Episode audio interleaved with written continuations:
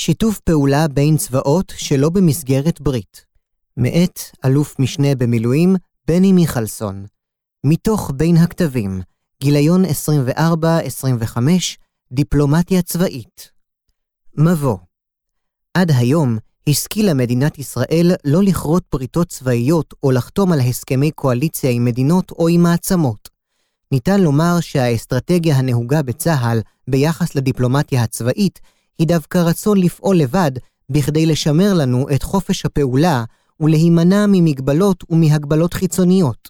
בכך מתאפשר לנו לפעול באופן עצמאי, סוברני, בבואנו לקבל החלטות הנוגעות בביטחון המדינה, בדגש על נושאים צבאיים. מאמר זה יתאר וינתח כמה מקרי מבחן מההיסטוריה המדינית והצבאית של מדינת ישראל ושל צה"ל. במוקד נמצא שיתוף הפעולה הצבאי על משמעויותיו והשלכותיו. שיתוף הפעולה נובע על פי רוב מצורך שלנו להסתייע ביכולותיה של מדינה אחרת למרות האסטרטגיה העקרונית שצוינה מעלה. הצרכים הם מגוונים, והם אלה שקובעים את אופיו של שיתוף הפעולה. כך למשל, ייתכן שיתוף פעולה בשל צורך מדיני, כפי שהיה במבצע מוסקטר ב-1956. לחלופין, ייתכן צורך בשיתוף פעולה צבאי או מודיעיני, כפי שקרה בשנות ה-80, אשר הוביל להקמת יחידת גבעון. שיתוף פעולה מתקיים תמיד בשל צורך הדדי של הצדדים. כך היה ב-1991, כאשר ישראל נמנעה מנקיטת פעולה צבאית כתגובה לירי טילי התק"ק מעיראק. בכך, היא קיבלה סיוע בהגנה מפני תק"ק, וסייעה לארצות הברית לשמור על אחדות הקואליציה שגיבשה.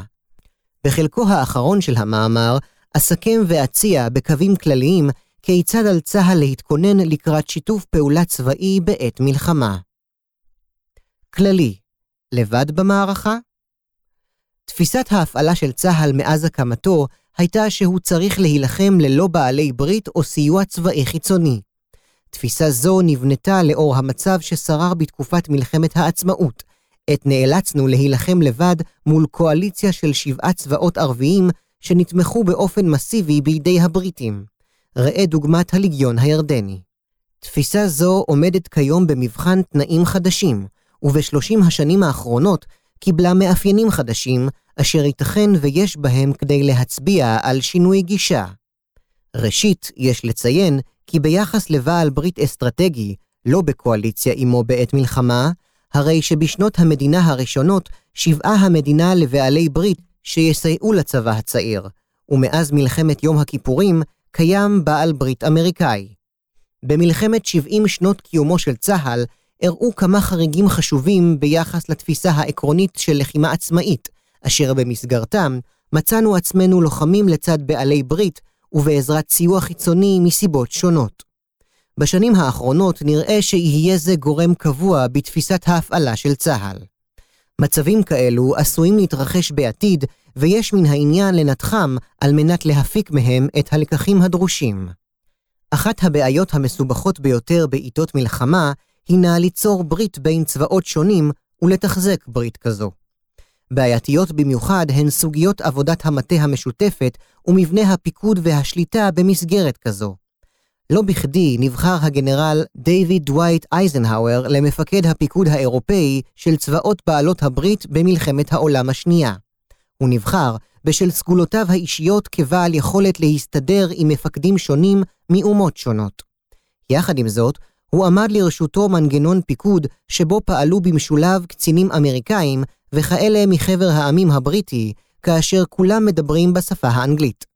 מנגנון זה השתכלל במהלך המלחמה, ואף המשיך במסגרת הברית הצפון-אטלנטית, נאט"ו, לאחריה. השאלה הנשאלת היא כיצד פועלים בשגרה, ובעיקר במלחמה, בשיתוף פעולה שלא במסגרת ברית כדוגמת נאט"ו, ללא מפקדות משותפות או מטות משותפים. נושא זה מקבל משקל יתר כאשר יש לבנות מאפס מנגנון להבטחת פעולתה של הברית בשעות חירום. דוגמאות היסטוריות מתולדות צה"ל מלחמת סיני ומבצע מוסקטר, 1956, הסיבות לברית והשתלשלות האירועים, שיתוף פעולה כצורך מדיני. בחודש יולי 1956 עם הלאמת תעלת סואץ על ידי נאצר, החל התכנון של מבצע מוסקטר לכיבוש התעלה על ידי צבאות אנגליה וצרפת. צרפת, שלה כבר היו מחודש יוני הסכמי מודיעין והספקת ציוד צבאי עם ישראל, ואפילו מזכר הבנה אסטרטגי, החלה מגששת באפשרות צירופה של ישראל למבצע שלה ושל בריטניה. ניתן לראות את ה-1 בספטמבר 1956 כיום תחילת עבודת המטה בצה"ל לקראת מלחמת סיני. כחודש ימים לאחר שהחלה עבודת המטה בצבאות צרפת ובריטניה לקראת מבצע מוסקטר. כך שבסך הכל עמדו לרשות צה"ל כחודשיים להכנת המלחמה ולתכנונה.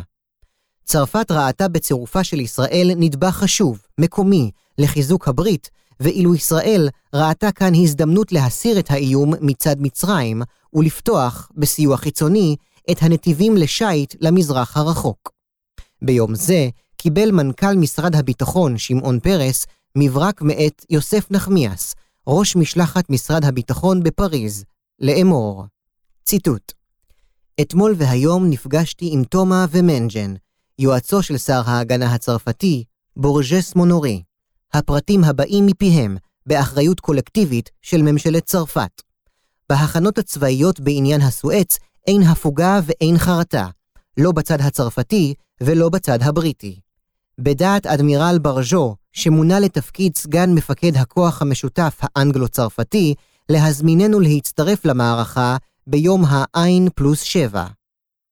מיד עם קבלת המברק, כינס בן גוריון את המטה המצומצם שלו, והורה לדיין ולפרס להיפגש עם הצרפתים ולהשיב כי עקרונית אנו מוכנים לשיתוף פעולה. בכך אפשר לראות את הנחיית הדרג המדיני להתחיל בהכנות למלחמה. כיוון שההצעה הצרפתית חרגה מעבר לחילופי המידע החשאיים שהפכו בתקופה זו לשגרה בין הצבאות, ולאחר שהחל כבר התכנון המשותף הבריטי-צרפתי, הוחלט להטיל על ראש אג"ם, מאיר עמית, שהיה באותה העת בביקור באירופה, להיפגש עם אדמירל ברג'ו על מנת להביע את נכונות צה"ל להשתלב במערכה ולהבין את כוונות הצרפתים לאשורן. ב-7 בספטמבר נפגשו עמית, יובל נאמן, קצין הקישור למודיעין הצרפתי, ועמנואל נשארי, הנספח הצבאי בצרפת, עם אדמירל ברג'ו ועם גנרל גז'ן, ראש מטהו. הם הביעו את הסכמת ישראל להשתתף במבצע, ושמעו פרטים ראשוניים על התוכנית הבריטית-צרפתית. עשרה ימים לאחר מכן, ב-17 בספטמבר, כינס דיין את ראשי המחלקות באגף המטה הכללי לדיון מיוחד כדי לקדם את ההכנות למלחמה. דיין הסביר לקצינים, לראשונה, כי במקרה של מלחמה בין המערב ובין מצרים בעניין הסואץ, קיימת אפשרות שישראל תיכנס למלחמה, בין אם כתוצאה מהזמנת המערב, ובין אם מתוך יוזמתה של ישראל לנצל את ההזדמנות שתיפתח. בימים האחרונים של חודש ספטמבר התקיימה בצרפת ועידת סן ג'רמן, בהשתתפות משלחת ממשלת ישראל, בראשות שרת החוץ גולדה מאיר ומנכ"ל משרד הביטחון, הרמטכ"ל ושר התחבורה, אלוף במילואים משה כרמל, לדון עם ממשלת צרפת ועם הפיקוד העליון הצרפתי בהצטרפות ישראל לברית הצרפתית-בריטית. הוועידה הסתיימה בהחלטות מעשיות, ומשלחת רמת דרג של קצינים צרפתיים יצאה בחשאיות רבה לישראל למחרת, להתחיל בבדיקות אפשריות מעשיות של שיתוף הפעולה הצבאי בשטח. ב-2 באוקטובר, עם חזרתו של הרמטכ"ל מצרפת, אישר ראש הממשלה ושר הביטחון בן גוריון לדיין לכנס את המטה הכללי ולתדרכו לקראת מלחמה צפויה. כך שבד בבד עם המשך דיוני שיתוף הפעולה עם הצרפתים, החל צה"ל בהיערכות למלחמת סיני. הצעד הבא בשיתוף הפעולה היה בוועידת סבר, שהתקיימה בצרפת בתאריכים 22 עד 24 באוקטובר 1956.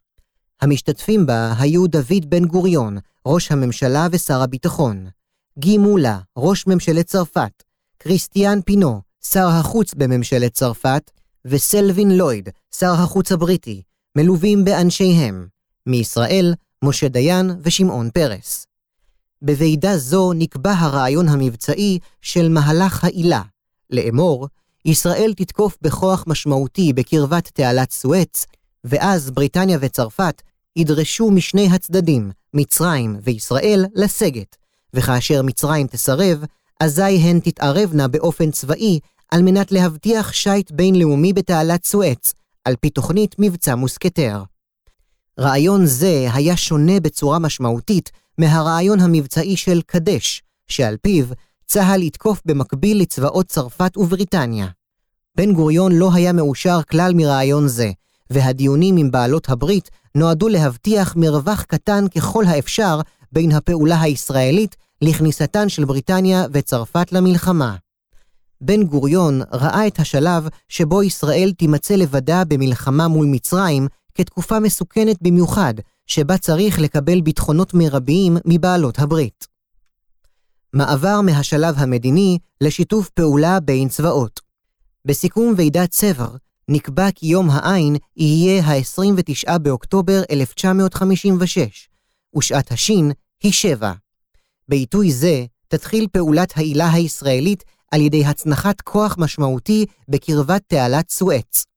36 שעות אחר כך, בבוקר ה-31 באוקטובר, תחלנה ההפצצות הבריטיות-צרפתיות על מצרים, לאחר שהאחרונה תסרב לאולטימטום שיוגש לה.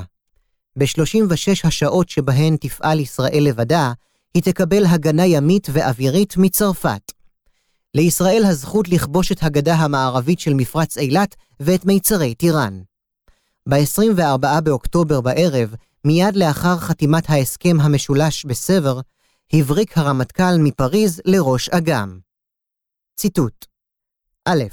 סיכויים רבים למבצע קדש בהקדם. ב. גייסו מיד יחידות. ג. דאג לסודיות הגיוס. ד. הפעל הטעיה כאילו הגיוס מתוכנן כנגד ירדן בגלל כניסת עיראק לשטחה. ה. יוצאים הלילה בחצות, מגיעים מחר בבוקר. ההפגזה הימית על מרחב רפיח, שיתוף פעולה ייחודי צרפתי-ישראלי. הפגזה זו הייתה האירוע המובהק ביותר לפתיחתה של המתקפה המשולבת האנגלית-צרפתית-ישראלית, ולשיתוף הפעולה ההדוק בין כוחותיהן המזוינים של צרפת וישראל. כבר בראשית אוקטובר 1956 החלו המגעים בין ציי צרפת וישראל, את נפגש רמ"ח ים, אלוף משנה צבי קינן, עם נציגי הצי הצרפתי שהגיעו לחיפה. החל מפגישה ראשונית זו, שבה נקבעו דפוסי שיתוף הפעולה בין הציים, נקבע שאחד הנושאים יהיה סיוע לכוחות צה"ל על ידי הפגזת חוף. כאשר התקרב מועד יום העין, סוכם שהצי הצרפתי יסייע להתקפת אוגדה 77 בציר החוף על ידי הפגזת מרחב רפיח. הצי הצרפתי הקצה למשימה זו את הספינה המתאימה ביותר שהייתה ברשותו. הייתה זו הסיירת ג'ורג' לייגס, שהייתה חמושה בתשעה תותחי 152 מילימטר ועוד שמונה תותחי 90 מילימטר עם תחמושת נפיצה המתאימה להפגזות מטרות ביבשה. ספינה זו הייתה בעלת עבר קרבי עשיר במשימות מסוג זה, והשתתפה, בין השאר, בהפגזת מטרות חוף בנחיתה בנורמנדי ובחוף פרובנס בשנת 1944, במהלך מלחמת העולם השנייה. אולם החשוב ביותר היה ציודה במערכת חדישה לטווח ולבקרת אש מסוג בירינג קלארק, שנועדה בדיוק למשימות מסוג זה. ב-31 באוקטובר, בשעה 18:45, הפליגה הסיירת הצרפתית ג'ורג' לייגס בליווי המשחטות הישראליות אחי יפו ואחי אילת מחיפה לכיוון היעד. היה זה לאחר נוהל קרב ארוך ומדוקדק בין שני הציים שמצאו שפה משותפת ויכולת עבודה יחדיו. בדרך אל היעדים נתבקשה הסיירת להקדים את ההפגזה לשעה אחת ושלושים. בהיותה בדרך נתקבל אישור הצי הצרפתי להקצאת תחמושת, 360 פגזים 152 מילימטר ו-200 פגזים 90 מילימטר, שהם 25 טונות בקירוב. בשעה 1:20 עגנה הסיירת מול היעדים בחיפוי המשחטות, לאחר שהוברר שאין איום ירי מהחוף. היעד זוהה באמצעות הזרקורים שהמצרים נהגו להדליק לשמיים לחיפוש מטוסים. ההפגזה על מחנות רפיח החלה בשעה 1:20, לפי דרישת מפקד האגד הארטילרי האוגדתי, ונמשכה כ-25 דקות. בהתאם להודעות מהחוף, ההפגזה הייתה יעילה. נתקבלה בקשה להכיל שנית בהפגזה בשעה 0305, במגמה להשלים את הפגזת האזור שבין המחנות לחוף הים. הפגזה זו נמשכה עד לסיום הקצבת התחמושת. בשעה 04:00 החליט מפקד הסיירת לסגת מהאזור. קצין הקישור הישראלי הועבר בסירה למשחטת אחי אילת, והסיירת חזרה לבסיסה בקפריסין. הנסיגה לוותה בחיפוי אווירי. הפעולה הוכתרה בהצלחה רבה. תוצאות ישירות מהברית במלחמת סיני, היבט מדיני וצבאי. מחד גיסא, כשל מבצע מוסקטר הבריטי-צרפתי. מאידך גיסא, ישראל הצליחה להפיק תועלת רבה מהמלחמה, זאת על אף שכעבור ארבעה חודשים נאלצה לסגת משטח חצי האי שאותו כבשה. התועלות שהושגו היו הבטחת שיט חופשי לסחורות לישראל וממנה במיצרי טיראן ובתעלת סואץ. פריסת כוחות חירום של האו"ם בסיני במטרה להבטיח את פירוזו של חצי האי. חופש השיט הפך לעובדה. המיצרים נשארו פתוחים תוך קבלת ערבויות של ארצות הברית למעבר ספינות וסחורות לישראל במשך עשר השנים שלאחר מכן. בהמשך העבירה ישראל מטענים בספינות זרות דרך תעלת סואץ, אך שם לעתים נתקל המעבר בקשיים. במקרה אחד, ב-22 ביולי 1957, הורידו המצרים מן הספינה ברגית הטופט את העיתונאי רפי נלסון, ועצרו אותו למשך תקופה מסוימת. ובמקרה השני, החרימו מטען המיועד לישראל מן הספינה הדנית אינגה טופט. בפעמים אחרות עיכבו המצרים שלא לצורך ספינות אחרות שהובילו מטענים לישראל. בתוך כך, השתרר שקט בגבול עם מצרים. חצי האי סיני נשאר מפורז למשך עשר שנים, למעט אירוע חריג כאשר ב-18 בפברואר 1960, בעקבות מידע כוזב שהעבירו הסורים למצרים, כי ישראל מתכוונת לתקוף את סוריה, החלו כוחות צבא מצריים גדולים לחצות את תעלת סואץ לתוך סיני מזרחה לכיוון גבול ישראל.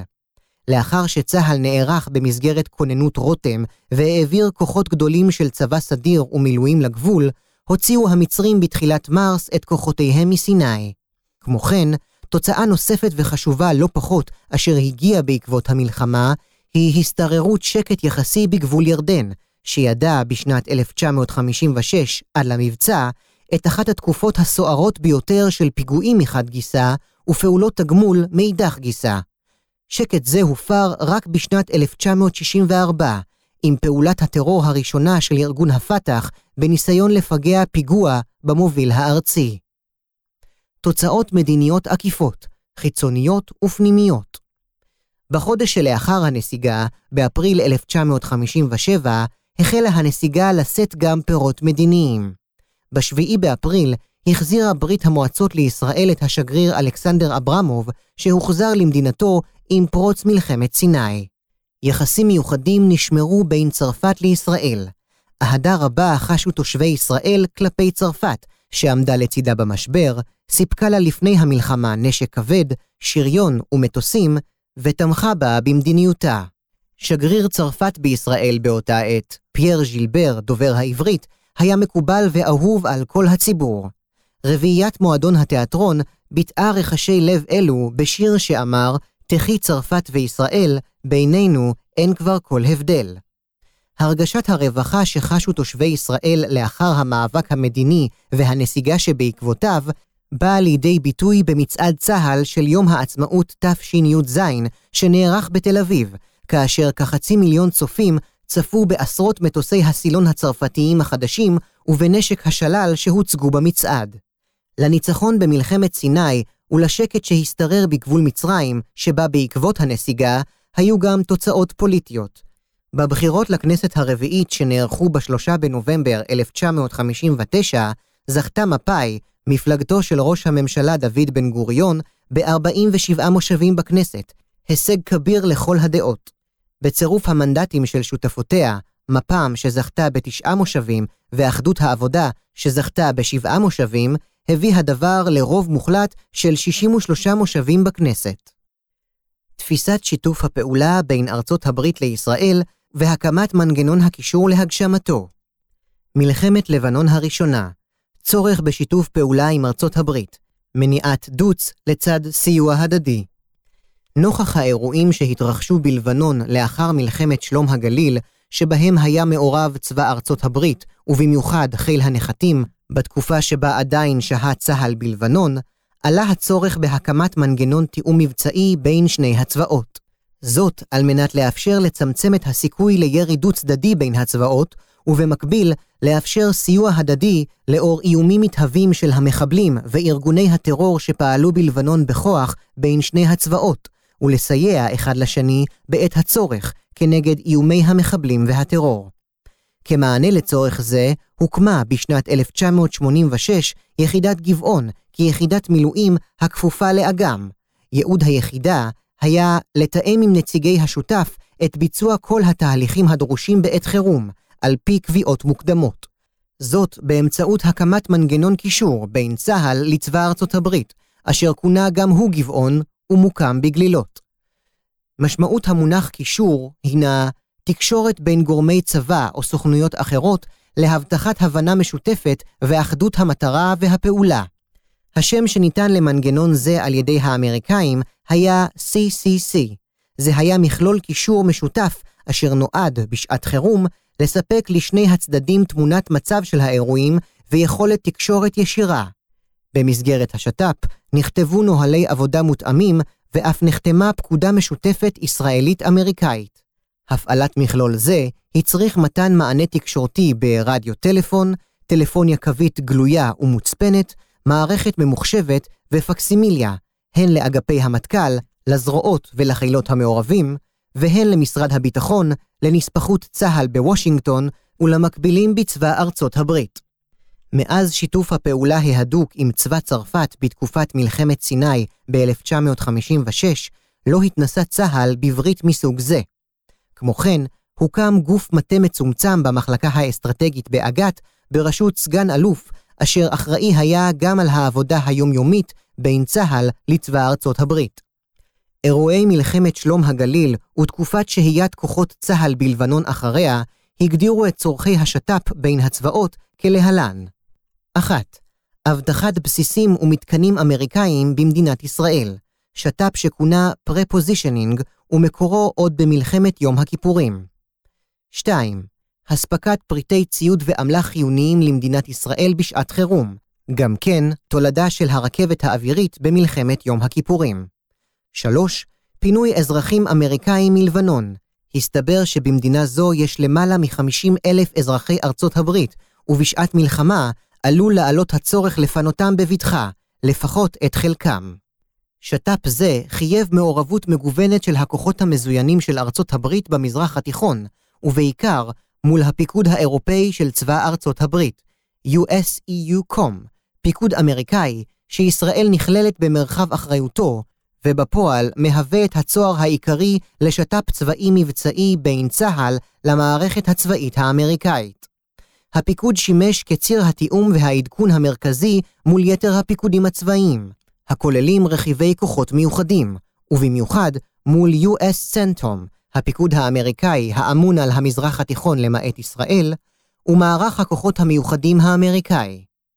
ניתן להוסיף לכך את הצי השישי, אשר זירת פעולתו הינה אגן הים התיכון, ואשר קיבל את האחריות על פינוי האמריקאים מלבנון, ובכלל זה אבטחת מסדרונות אוויריים וימיים לפינוי, כמו יצירת ראש חוף לאבטחת בסיסי הפינוי ביבשה באמצעות טאסק פורס, בסדק של גדוד חי"ר מוגבר לפחות. לצורך הפעלת מרכז הקישור, הוכן נוהל כאשר נושא הקשר היה נושא מרכזי בו. המלחמה בלבנון חיזקה את היסודות לברית צבאית, הלכה למעשה, בין ישראל לארצות הברית, תוך הקמת מנגנון תיאום יעיל, אשר הוכיח עצמו מאז פעמים מספר. למשל, בשנת 1998, במהלך מבצע שועל מדבר, ובשנת 2006, במהלך מלחמת לבנון השנייה, פעלה היחידה לתיאום ופינוי אזרחים זרים לצד תיאום סיוע הומניטרי. מלחמת המפרץ 1991 האמריקאים תוקפים ואנו סופגים טילים. שיתוף פעולה בכפייה מדינית. הסיבות לשיתוף הפעולה בין צה"ל לכוחות המזוינים של ארצות הברית במלחמת המפרץ היו המאמץ האמריקאי למנוע מישראל להתערב במלחמה, גם באם תותקף, וההבנה הישראלית שעל צה"ל להימנע ככל האפשר מלהפריע למהלך האמריקאי המתגבש כנגד אחת מאויבותיה המסורתיות של ישראל, עיראק. במשך ששת החודשים אשר חלפו בין פלישת עיראק לכווית לבין פקיעת האולטימטום של מועצת הביטחון ותחילת המתקפה האווירית על עיראק ב-17 בינואר 1991 והתחלת מבצע סופה במדבר, עמלה ארצות הברית לגבש קואליציה רחבה ככל האפשר, ובכלל זה מדינות ערב, למלחמה נגד עיראק. במסגרת זו, היה חיוני לאמריקאים לשמור את ישראל מחוץ למלחמה. היה להם חשש רב שישראל לא תוכל להבליג על איומי סדאם חוסיין ותנקוט מתקפה מקדימה לסיכולם. שיטה זו הייתה מרכיב בתפיסת הביטחון הישראלית במשך שנים רבות, ויותר מנרמזה לאמריקאים בעת ביקורו של הרמטכ"ל דן שומרון בארצות הברית. לכן המדיניות האמריקאית כלפי ישראל בתקופת מגן המדבר הייתה לשכנע את ישראל שלא לנקוט פעולה כזו. בתקופה זו ביקרו ראש הממשלה שמיר, שר הביטחון ארנס והרמטכ"ל דן שומרון בארצות הברית, וקיבלו הבטחות בנושאים אחדים על מנת למתן כל פעולה ישראלית צפויה. שמיר הבטיח לנשיא בוש בביקורו בוושינגטון בדצמבר 1990 כי ישראל לא תתערב, אלא אם כן ייווצר מצב שהיא לא תוכל לסבול. האמריקאים נקטו שישה צעדים משמעותיים לגיבוי הבטחותיהם. 1. תוספת של 700 מיליון דולר על הסיוע הרגיל של 3 מיליארד דולר כל שנה למדינת ישראל. 2. אישרו מכירת מסוקי קרב אפאצ'י וטילי נ"מ פטריוט בעת ביקורו של דן שומרון בארצות הברית. 3. הקימו מערכת תקשורת אמינה בין הפיקוד העליון האמריקאי לזה הישראלי, ולמתן התראה בזמן במקרה של ירי טילים מעיראק על ישראל. 4. כאשר הוברר שהמלחמה בלתי נמנעת, לאחר תשובותיו השליליות של שר החוץ העיראקי עבדול עזיז לשר החוץ האמריקאי בייקר ב-9 בינואר בז'נבה, נשלחה ב-12 בינואר משלחת רמת דרג מארצות הברית בראשות תת-שר החוץ לורנס איגלברגר ובהשתתפות תת-שר ההגנה פול וולפוביץ לישראל. משלחת זו הגיעה על מנת לוודא שישראל תתייעץ עם ארצות הברית לפני נקיטת פעולה כלשהי, גם אם יפלו טילים בישראל, כפי שהבטיחו ראש הממשלה ושר הביטחון בעת ביקוריהם בארצות הברית. כמו כן, הבטיחה משלחת זו, ציטוט, היה וסדאם חוסיין יירה טילים על ישראל, צבא ארצות הברית יחסל איום זה תוך 24 שעות. הרמטכ"ל שומרון התייחס בהסתייגות להבטחה האמריקאית, והנחה את צה"ל להכין תוכניות אופרטיביות לפעולה במצב של נפילת טילים בישראל ושל כישלון אמריקאי בהסרת האיום. לצורך כך נזקקה ישראל למודיעין בזמן אמת מלווייני תצפית אמריקאים ותצלומי אוויר באיכות גבוהה ממטוסי ה-SR-21 ו-U-2 שהיו ברשות חיל האוויר של ארצות הברית. אולם מודיעין זה לא סופק, וגם איגלברגר ווולפוביץ לא היו במעמד לאשר זאת. המלחמה החלה וישראל נפגעת מטילים, ביסוס שיתוף הפעולה הצבאי. ב-15 בינואר פג האולטימטום, ובליל 17-18 בינואר 1991 החלה המתקפה האווירית של הקואליציה על עיראק. בתגובה החלו באופן מיידי התקפות הטילים מעיראק על מרכזי האוכלוסייה במדינת ישראל. בתל אביב נפגע בין השאר בית דני במטח הטילים הראשון.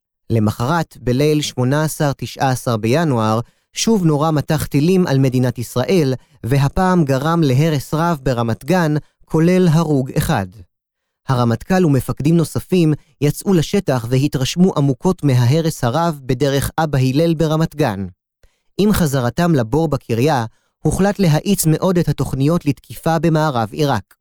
הרמטכ"ל הורה לראש אג"ת להתחיל בהתארגנות לביצוע תיאום מבצעי עם האמריקאים לצורך התקיפה בעיראק. הכוונה הייתה להפעיל מיני גבעון במינימום אנשים נדרשים ובמינימום זמן שישמש לתיאום בסיסי. במידת הניתן להקימו על דברים קיימים ועל בסיס הנספחות הצבאית כמערכת קשר ראשונית. חיל האוויר נקבע כגורם המרכזי שהיה צריך להגדיר מהן הדרישות המזעריות ליצירת מערכת תיאום שתאפשר להגיע למצב שבו ניתן יהיה לבצע משימות חיל אוויר עוד באותו הלילה. לא הייתה כוונה להפסיק את פעילות האמריקאים בשמי עיראק, אלא ליצור מרחב טיסה ופעילות לחיל האוויר. ראש אג"ת כינס מיידית קבוצת תכנון בהשתתפות רמת חיל האוויר וקשרר. הכוונה הייתה ליצור חלונות של מרחבים וזמנים שבהם יתקוף חיל האוויר. עמדת קשרר הייתה כי לתיאום מיידי יש צורך בערוץ משותף ליצירת קשר בין בקרות ה-AWACS שלהם. לאור זאת, הציג ראש אג"ת מיידית את בקשות צה"ל האמריקאים לקבלת מודיעין ו-BDA, מערכת תקשורת שתאפשר העברת הוראות לכוחותיהם ולכוחותינו כבסיס לפעילות. קבוצות קצינים ישראלים ואמריקאים, המונחית כל אחת על ידי מפקדיה, מקבלים בקשות ומעבירים לטיפול. כתוצאה מדרישה זו שהוצגה הן לתתי השרים האמריקאים ששהו בישראל והן ליושב ראש המטות המשולבים קולין פאוול, נשלח לארץ כקצין קישור ממפקדת פיקוד המרכז האמריקאי סנטקום ב-21 בינואר, סגן מפקד חיל האוויר האמריקאי במפרץ, מייג'ור ג'נרל תומאס אולסן. כאשר הוא הגיע, הוא נכנס מיד לפגישה עם הרמטכ"ל בנוכחות הנספח הצבאי האמריקאי. דן שומרון שאל אותו כיצד הוא מקושר לפיקוד המרכז, ומה המנגנון העומד לרשותו להעביר, בזמן אמת, מידע מצה"ל לפיקוד וחזרה. כאשר הסתבר שהוא כלל לא היה מודע שאלו הדרישות הישראליות, וכן שאין לו שום קשר ישיר לפיקוד המרכז האמריקאי, או מנגנון תיאום כלשהו, הוא נשלח בחזרה לארצות הברית תוך סיום שליחותו. ברקע, הבנת הרמטכ"ל שאין היערכות אמריקאית לקדם תקשורת ישירה שתאפשר תיאום מבצעי.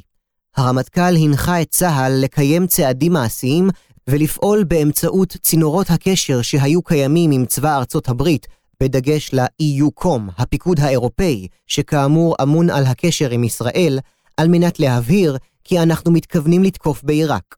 זה היה הסיוט הגדול ביותר של האמריקאים, אשר חששו עכשיו שהקואליציה בת 34 המדינות שהצליחו להקים, עומדת בפני התפוררות, באם ישראל תממש את הכנותיה ותתקוף.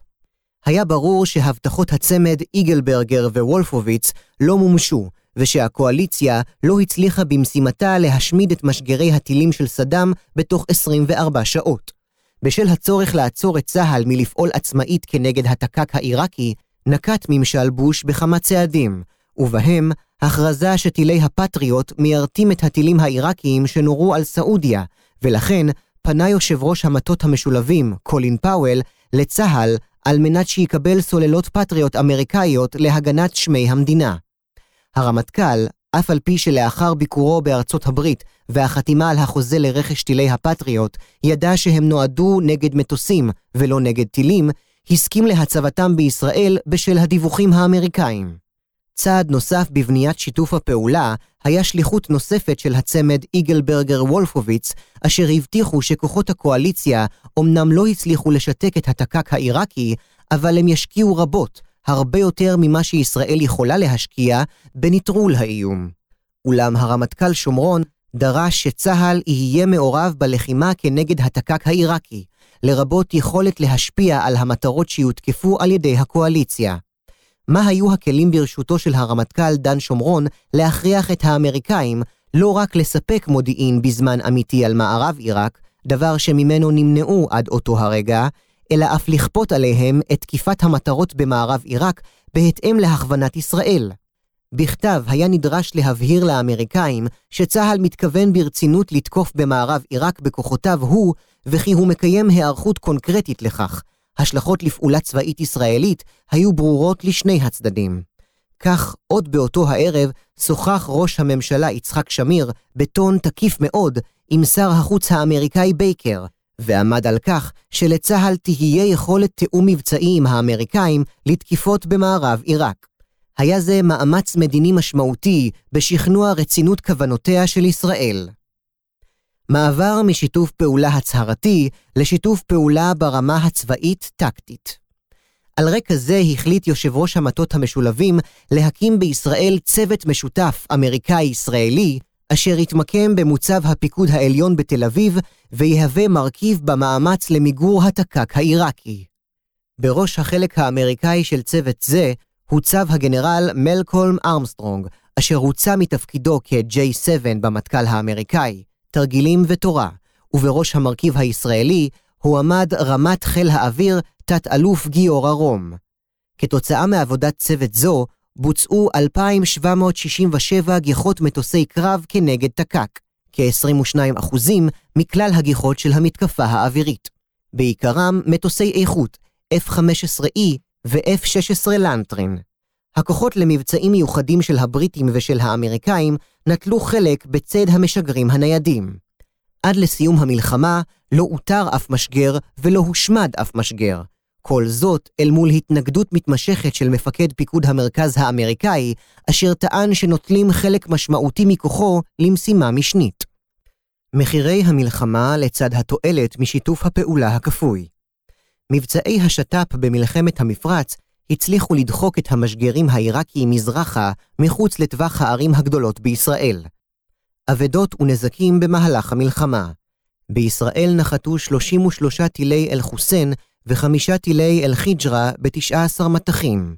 שני בני אדם נהרגו מפגיעות ישירות, היו ארבעה התקפי לב שגרמו למוות, שבעה מקרי מוות כתוצאה משימוש לא מיומן בערכות התגוננות, 208 פצועים, 225 הזרקות שווא של אטרופין, ניזוקו 1,302 מבנים, 6,142 דירות, 23 מבני ציבור, 200 חנויות, 50 מכוניות.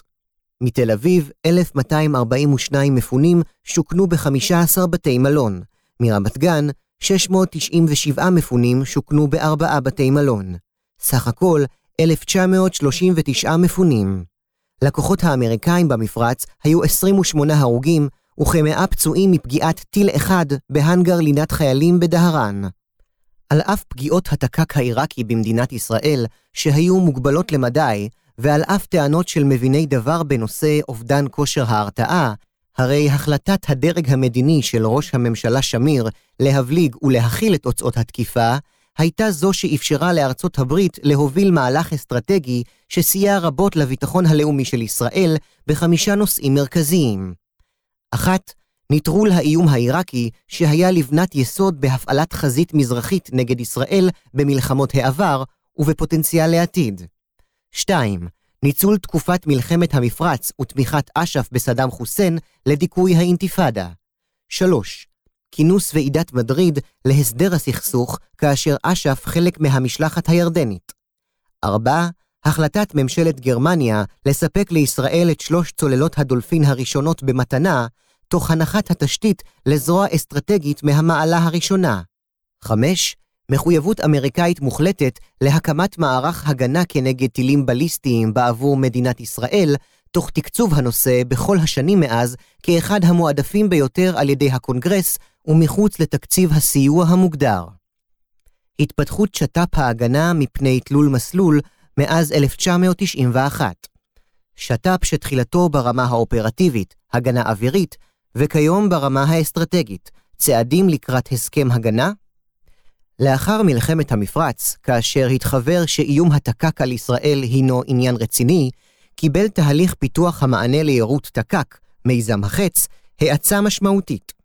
בנושא הקישור, למנגנון גבעון נוספה עוד משימה, אשר עם השנים הפכה למשימתו העיקרית, הגנה משותפת על שמי מדינת ישראל והמזרח התיכון בכללו מפני טילים ורקטות.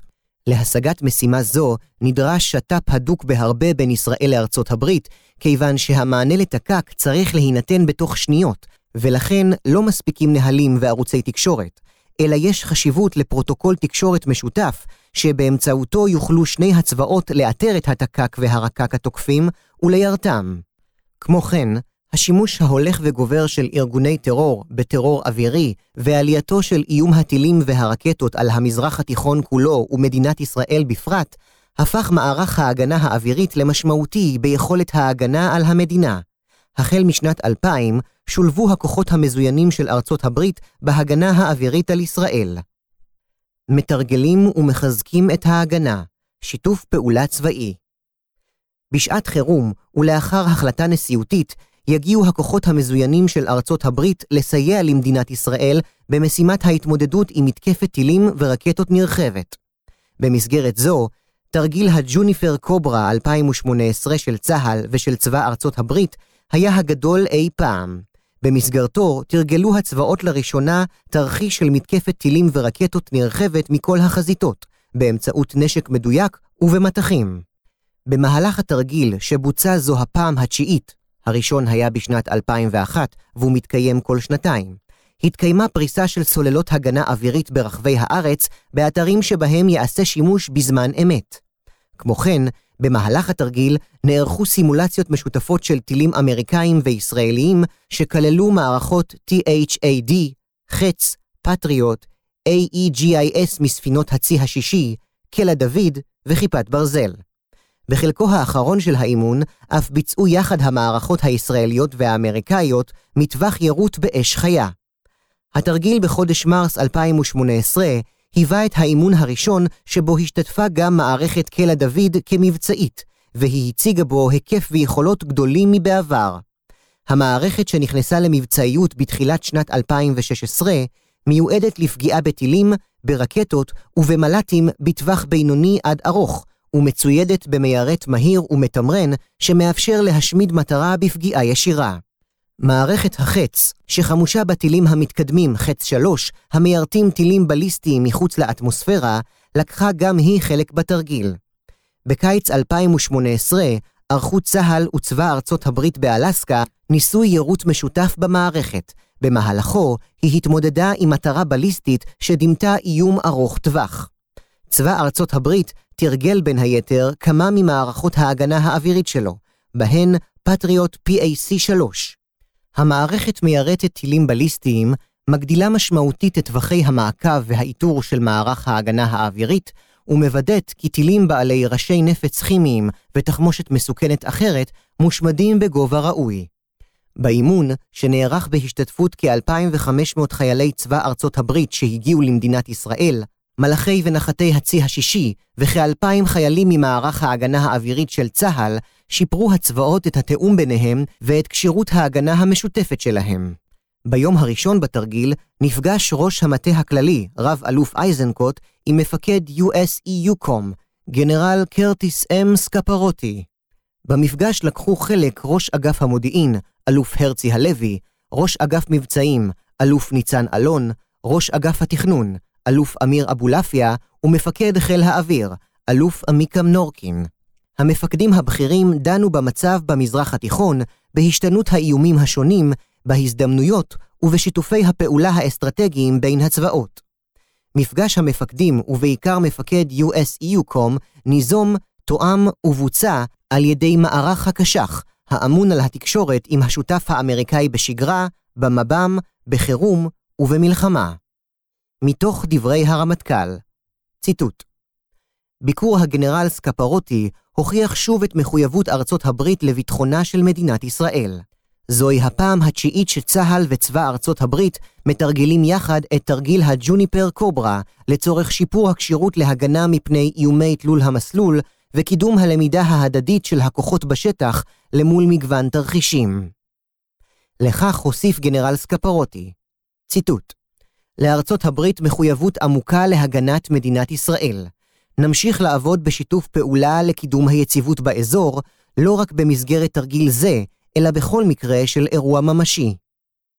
ראש אגף המבצעים, אלוף ניצן אלון, אמר, ציטוט: הקשר העמוק בין ישראל וארצות הברית מבוסס על אינטרסים וערכים משותפים. שתי מדינות דמוקרטיות בעלות ערכים משותפים, המשלימות זו את זו על ידי שיתוף פעולה מבצעי צבאי, משדרות מסר חזק וברור לכל האזור. המציאות המורכבת במזרח התיכון, כמו גם פעילות ארגוני טרור עולמיים וגורמים רדיקליים, מציבים אתגרים רבים בפני ישראל וארצות הברית. הוסיף והדגיש לוטנט ג'נרל ריצ'רד אם קלארק, מפקד כוח המשימה המשולב האמריקאי. ציטוט תרגיל ג'וניפר קוברה 2018 הוכיח את עצמו כתרגיל מאתגר וריאליסטי להפליא, שחייב אמון, תקשורת ושיתוף פעולה עם השותפים הישראליים שלנו. הקשרים שנבנו בשבועיים האחרונים עוזרים לחזק את יכולת הפעולה ההדדית שלנו ולסלול את הדרך למשימות ולתרגילים עתידיים. נוסף על כך, ולצורך משימות כמו פינוי אזרחים אמריקאים מלבנון, התקיימו תרגילים משותפים של לוחמי גדוד הסיור של חטיבת הצנחנים ושל לוחמי המרינס מיחידה 27, המוצבת על ספינות הצי השישי, במסגרתם תרגלו הכוחות לוחמה בשטח בנוי, התמודדות עם אמצעי חבלה, שימוש בארטילריה, פשיטה על מבנים תוך שימוש בכלים משוריינים ופינוי פצועים משותף. בית הספר ללוחמה בטרור אירח את כוחות המרינס של צבא ארצות הברית, שם עברו הכשרה ייחודית, ובמקביל התקיימו תרגילים עם מפקדי וחיילי יחידת אגוז. בין היתר, הכוחות הלוגיסטיים והרפואיים של אגף הטכנולוגיה והלוגיסטיקה, בשיתוף עם האמריקאים, תרגלו אירוע רב נפגעים, פינוי מוסק לבית חולים ושימוש באמצעים טכנולוגיים מתקדמים. זאת במסגרת הכנת צה"ל לתמוך בנוכחות האמריקאית במזרח התיכון בכלל ובישראל בפרט. סיכום מתוך מקרי המבחן שתוארו במאמר, עולה באופן מובהק כי שיתוף הפעולה בין הצבאות האמריקאי והישראלי הלך והתהדק ב-20 השנים האחרונות, וזאת ללא חתימה על ברית. כפי שניתן להיווכח, הישגי התרגילים המשותפים שהתבססו בתחילה על לקחי מלחמת המפרץ, 1991, מצביעים על גרף שיפור מתמיד ועל מגמה חיובית ברורה בקשר ההדוק ובתיאום בין המדינות והצבאות. ההישגים הצבאיים של שת"פ בהיעדר ברית התאפשרו כשכל צד הביא לשת"פ את יתרונותיו היחסיים, מבלי ניסיון לכפות זה על זה את השיטות ואת דפוסי הפעולה הייחודיים לו. כך גם התחשבות הצבא המארח בצורכי האורחים, המנטליות השונה ונוהלי הפעולה השונים, גם הם בעלי חשיבות מרובה. אפשרויות אלו הינן מגוונות יותר ככל שמנגנון הקישור בין הצבאות משוכלל יותר ומאומן לעבוד יחד. היכולת לקיים סינרגיה בין הצבאות נשענת בראש ובראשונה על יצירת שפה משותפת ועל שימוש באמצעים משותפים, כמו מערכות תקשוב אחודות. במהלך השנים הקשר התפתח לשיתוף פעולה צבאי ומבצעי אינטימי בהיקף ובאיכות של שותפות. ישראל מספקת לארצות הברית מידע מודיעיני קריטי, מקיימת שיח פורה על תורת לחימה, ומפתחת טכנולוגיות מתקדמות המשולבות בצבא האמריקאי. אפילו משרד ההגנה והממסד הצבאי האמריקאי, שהיו פעם עוינים לישראל, למדו להעריך את היחסים המיוחדים בין המדינות. למרות כל אלה, ישראל מעולם לא תבעה מארצות הברית ערבות ביטחונית. עלינו לזכור שכוח משימה שייפרס בישראל כפוף אך ורק למפקד האמריקאי העליון, נשיא ארצות הברית מחד גיסא, ואינו קבוע מאידך גיסא, אלא מתארגן אד הוק לאור המצב המתפתח. בעתיד הנראה לעין, צריך צה"ל לכלול בין הגורמים המשפיעים על היערכותו ותכנוניו המבצעיים, הגעת כוח משימה מיוחד מארצות הברית, שישתתף בהגנת מדינת ישראל. התופעה של ישראל לבדה במערכה רבתי מול מגוון איומים כנראה חלפה מן העולם. הניסיון הנצבר מוכיח כי ניתן לפעול בעיתות מלחמה יחד עם בעלות ברית במבצעים משותפים, גם בהיעדר ברית צבאית כמו נאט"ו, בעזרת מפקדות משולבות. ישנן תצורות שונות לשת"פ חלקי לענייני מודיעין, הגנה אווירית ואף סיוע אש ישיר מהים. לצד התועלות הרבות שתוארו לעיל, יש מגבלות לשיתוף הפעולה. מנגנון הפעולה שנבנה עם צרפת ואנגליה במלחמת סיני היה טוב, אבל מוגבל ביכולת בחירת עיתוי הפעולה וברצונותיה של ישראל. כך גם כשנכפה על ישראל לשבת בצד ולראות כיצד נופלים טילי תק"ק עיראקים על אזרחיה, ולמרות כל זאת, עליה לבלוע רוק ולעמוד בהתחייבויותיה. אסטרטגיית עצמאות לצד התכוננות ומוכנות לפעולה בשיתוף פעולה. על אף ששיתוף הפעולה מוצג כלפי חוץ כמעט כצבאי בלבד, ברור שהינו גם מדיני, בעל אספקטים כלכליים וחברתיים, ויש לקחת זאת בחשבון, בעיקר אם רוצים בהרחבתו. אסטרטגיית מדינת ישראל הייתה ונותרה אסטרטגיית עצמאות, ויהיה נכון להמשיך ולשומרה כזו. יחד עם זאת, כפי שנותח במאמר, קיימים מקרים שבהם נכפה עלינו לפעול בברית, שיתוף פעולה, קואליציה וכיוצא בזה עם מעצמות או מדינות אחרות. לכן, מוטב לנו להכיר את ההיסטוריה ולהקים מנגנון שיאפשר מרחב פעולה לצה"ל, מניעת חיכוך, עדכון, קישור, שת"פ, בטרם עת, שיאפשר לנו לשמור על מרחב הפעולה ולפעול בצורה מיטבית ואפקטיבית בעת הצורך. בהתייחס ליחסים עם ארצות הברית, אני מבקש להדגיש מספר סוגיות. אחת, הרמטכ"ל והמטכ"ל כולו נדרשים להתייחס לכוח באופן דומה לפיקוד הישראלי, וכמפקדה אופרטיבית להפעלת כוח. 2. להתייחס לכך כאתגר מבצעי, המצריך ברמת המטכ"ל הכנת תוכניות מגירה אופרטיביות שבהן כלול הכוח האמריקאי. תוכניות כאלו צריכות לכלול את כל הנספחים, ובמיוחד איסוף מודיעין, היבטי אוויר וים, תקשוב ולוגיסטיקה ופיקוד העורף, ובכלל זה גם משטרה צבאית למשל. 3. ניהול מבצעים תוך הכללת הכוח. לא די בהכפפתו לכוחות ההגנה האווירית, גנרל שלושה כוכבים, לתעל, אלא חשוב לראותו בראייה רחבה, בשל מבנה המפקדה שלו, על נכסי המטה, ובעיקר המודיעין אשר מביא איתו כוח כזה עם פריסתו. 4. יש להקים זירה מיוחדת בחטיבת המבצעים, שתוכל לשאת בדרישות עבודת המטה אל מול הכוח האמריקאי. גופי המטה הרגילים אינם עונים על הבעיה בעיתות מלחמה, שבהם קבועי הזמן של שיתוף הפעולה קצרים בהרבה, ומתקיים קשר ושיתוף מידע שוטף בין SOCOM, CENTCOM, EUCOM, הצי השישי, ומרבית סוכנויות המודיעין והביטחון המיוצגות במפקדות אלו, ומפקדת כוח המשימה האמריקאי מחוברת עליהם ברשת. 5. היותו של הכוח האמריקאי כוח משימה, מתאפיין בכך שלא נוכל לדעת מראש אילו יחידות ירכיבו אותו, מי יהיה מפקדו, ומי יהיו קציני המטה שיגיעו בעת הצורך לישראל. מכאן נהיר שלא ברור מה תהיה רמת בקיאותם בזירת המזרח התיכון בכלל, ובצורכי ההגנה של ישראל בפרט. לכן, יש להיערך עם מנגנון חניכה מקצועי ומיומן.